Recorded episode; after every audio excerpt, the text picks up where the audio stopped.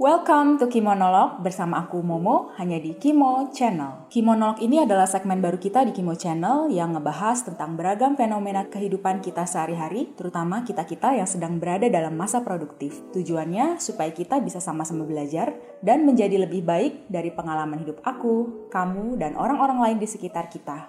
Yuk langsung aja kita masuk ke topik kita kali ini, Broken Home, Broken Child,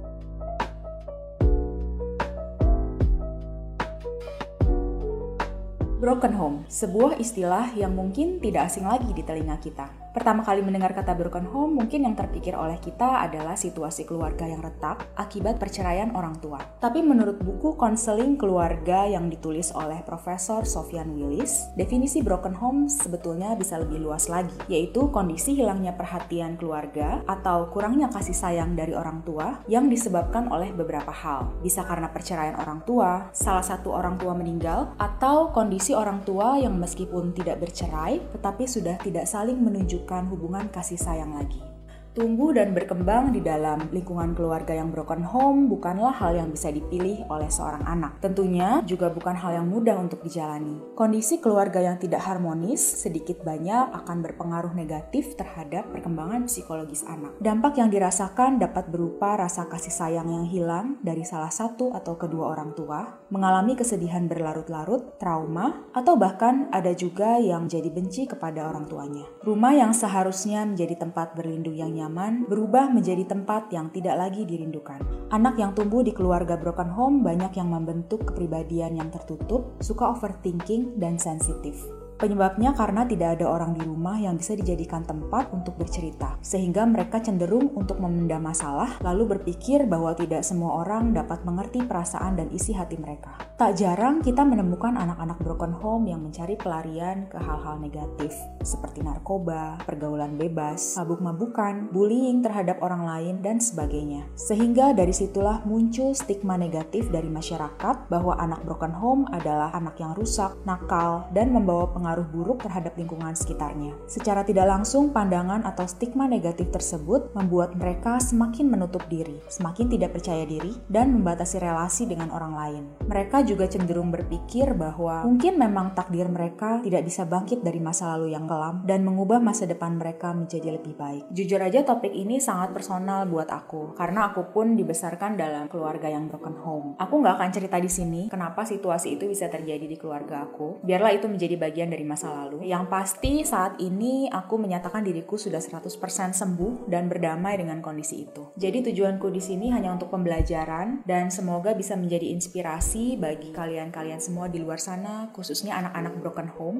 yang saat ini masih berjuang. Jadi aku dua bersaudara, aku anak paling kecil. Sedari kecil aku tuh nggak gitu dekat sama papa karena si papa itu kerjanya di luar kota dan biasanya cuma pulang satu minggu dua minggu sekali. Dan karena interaksi yang jarang itu dengan papa, maka hal itu menimbulkan rasa segan ke orang tua sendiri. Kalau anak-anak lain pada umumnya kan nggak akan canggung untuk minta uang jajan, minta dibeliin kado ulang tahun, minta dibeliin ini itu. Tapi kalau aku tuh justru merasa canggung dan gengsi gitu kayak minta ke orang asing. Dari awalnya masih pulang satu dua minggu sekali, sebulan sekali, sampai akhirnya si papa sama sekali nggak pernah pulang ke rumah itu seingatku pada saat aku SMP. Aku yang waktu itu berumur 13 tahun tentunya sudah mengerti bahwa bahwa ada sesuatu yang nggak beres di rumah. Kondisi keluargaku nggak sama nih dengan kondisi keluarga teman-temanku di sekolah. Apalagi dulu aku bersekolah di sekolah Katolik swasta yang termasuk favorit di Jakarta. Teman-temanku banyak yang berasal dari keluarga berada, yang orang tuanya sukses, pejabat dan sebagainya. Pemikiranku pada saat itu adalah oke, okay, aku berbeda. Jadi saat itu aku cenderung untuk membangun benteng antara aku dan teman-temanku. Jadi aku punya satu sampai dua orang teman yang cukup dekat, tapi aku selalu menjaga supaya aku nggak masuk ke dalam sebuah geng pertemanan yang mana di dalam geng itu biasanya ke mana-mana tuh harus bareng punya barang-barang harus kembaran atau saling main ke rumah Kenapa? Pertama karena aku malu dengan kondisi keluargaku. Kondisi rumah yang waktu itu masih menumpang sama saudara. Secara finansial juga kami pas-pasan. Kedua karena aku merasa minder dan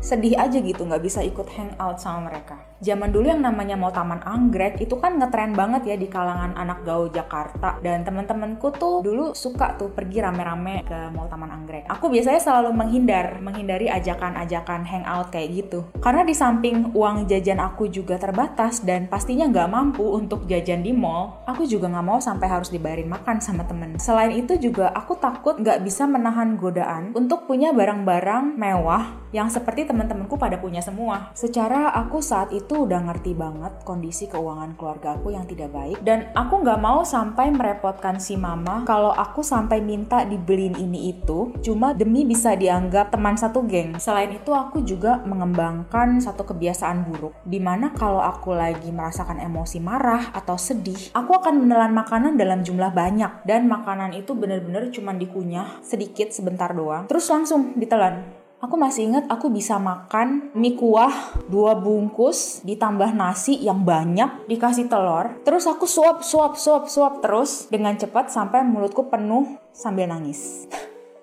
Sekarang lucu dulu mah nggak lucu. Nah saat itu aku merasa itu adalah cara meluapkan amarah yang paling aman. Tanpa sadar aku sebenarnya lagi menyakiti diriku sendiri. Begitu aku duduk di bangku SMA, ternyata manifestasinya beda lagi. Tapi bagusnya adalah pada waktu aku SMA itu, aku lebih bisa mengalihkan energi dan perhatianku ke hal-hal yang lebih positif. Bisa dibilang masa-masa SMA aku adalah masa-masa yang paling sibuk. Karena di samping beban pelajaran yang begitu berat pada saat itu, aku juga mengambil tiga macam ekskul. Salah satunya adalah ekskul yang paling menyita tenaga dan waktu, yaitu marching band.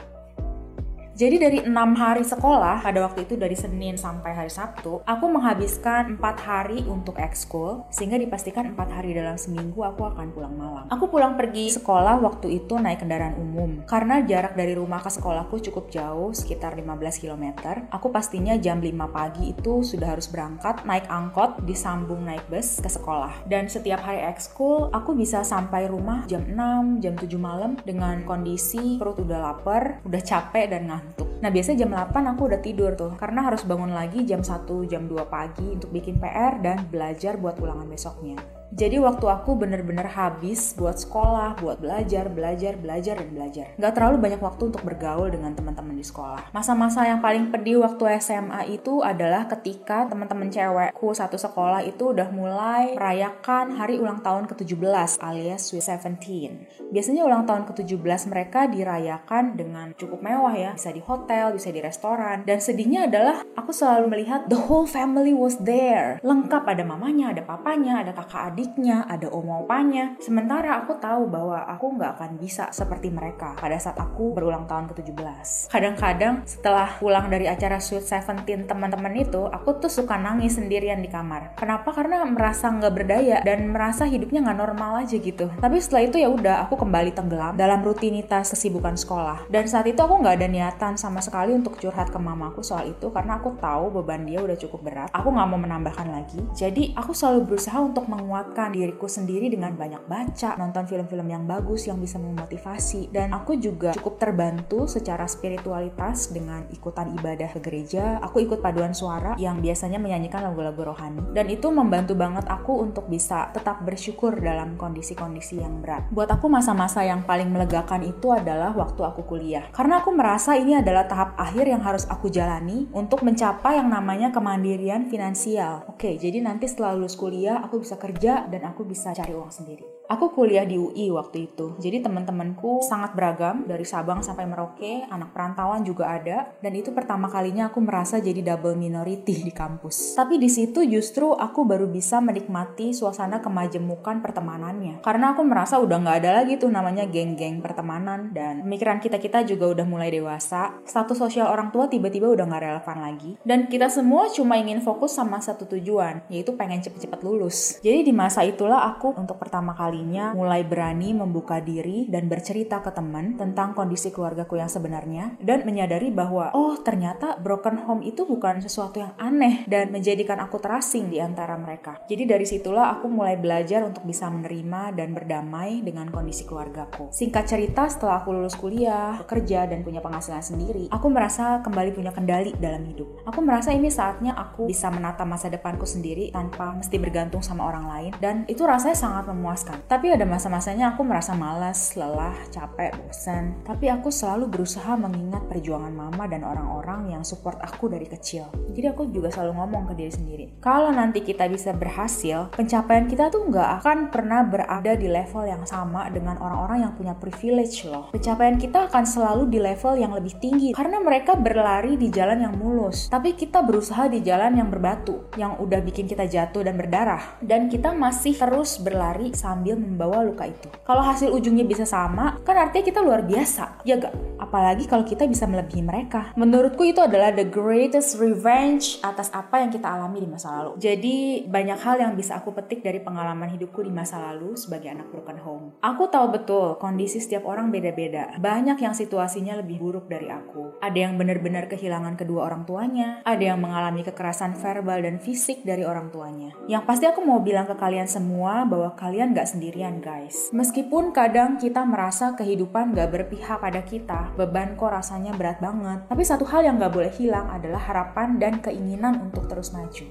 Buat kalian yang masih berjuang untuk menerima kondisi itu, tolong kasih waktu ke diri kalian sendiri untuk memproses semuanya. Kalau kalian merasa sedih dan perlu menangis, ya menangis aja gak apa-apa. Kalian mungkin masih belum bisa memahami seutuhnya kenapa bisa gini, kenapa bisa gitu. Tapi kalau kalian ingin mengalihkan pikiran dan kesedihan, please alihkanlah ke hal-hal yang positif. Pilihlah teman-teman yang bisa membawa kalian ke arah yang lebih positif. Please don't do drugs karena itu hanya akan merusak badan kalian. Percayalah kalian butuh badan dan pikiran yang sehat untuk bisa mengubah nasib kalian sendiri. Kalian butuh effort double dibandingkan teman-teman kalian yang keluarganya harmonis. But it's okay, you can do it. Imagine that jika luka itu dipindahkan ke teman-teman kamu yang lain, belum tentu loh mereka bisa bertahan juga. Jadi menurutku kita juga perlu menanamkan sebuah persepsi di kepala kita bahwa kenapa kita yang harus mengalami hal itu? Karena kita adalah orang yang menurut Tuhan bisa survive dengan itu. Jadi buktikan, gak usah ke orang lain, ke diri sendiri aja dulu kalau kamu betul-betul bisa survive. Semakin dewasa usia dan pemikiran, kalian akan menyadari bahwa you are not alone, kamu gak sendirian. Kamu bukan satu-satunya di dunia yang punya keluarga broken home. Dan itu bukanlah akhir dunia. Kamu tetap punya kontrol sepenuhnya terhadap hidup kamu. Dan gak ada satupun yang bisa membatasi diri kamu untuk berkembang seluas-luasnya, untuk mencapai keberhasilan yang kamu inginkan, termasuk diri kamu sendiri. Your parents are human. Orang tua kamu adalah manusia biasa. Mereka juga nggak luput dari kesalahan dan yang pastinya mereka juga bisa merasakan kesedihan dan juga kegagalan dan punya rasa bersalah. Lepaskan kebahagiaanmu dari hal-hal duniawi. Bahagia aja tanpa syarat, tanpa kondisi. Just being happy inside then you'll realize that coming from a broken home family is actually a privilege too. Kamu akan menyadari pada akhirnya bahwa berasal dari keluarga yang retak sebenarnya adalah sebuah keuntungan juga loh. Kamu bisa bertumbuh menjadi pribadi yang kuat, yang resilient, yang tangguh. Oke, okay, demikian sharingku di Kimonolog kali ini dan sampai ketemu di Kimonolog episode selanjutnya. Stay safe and healthy ya guys.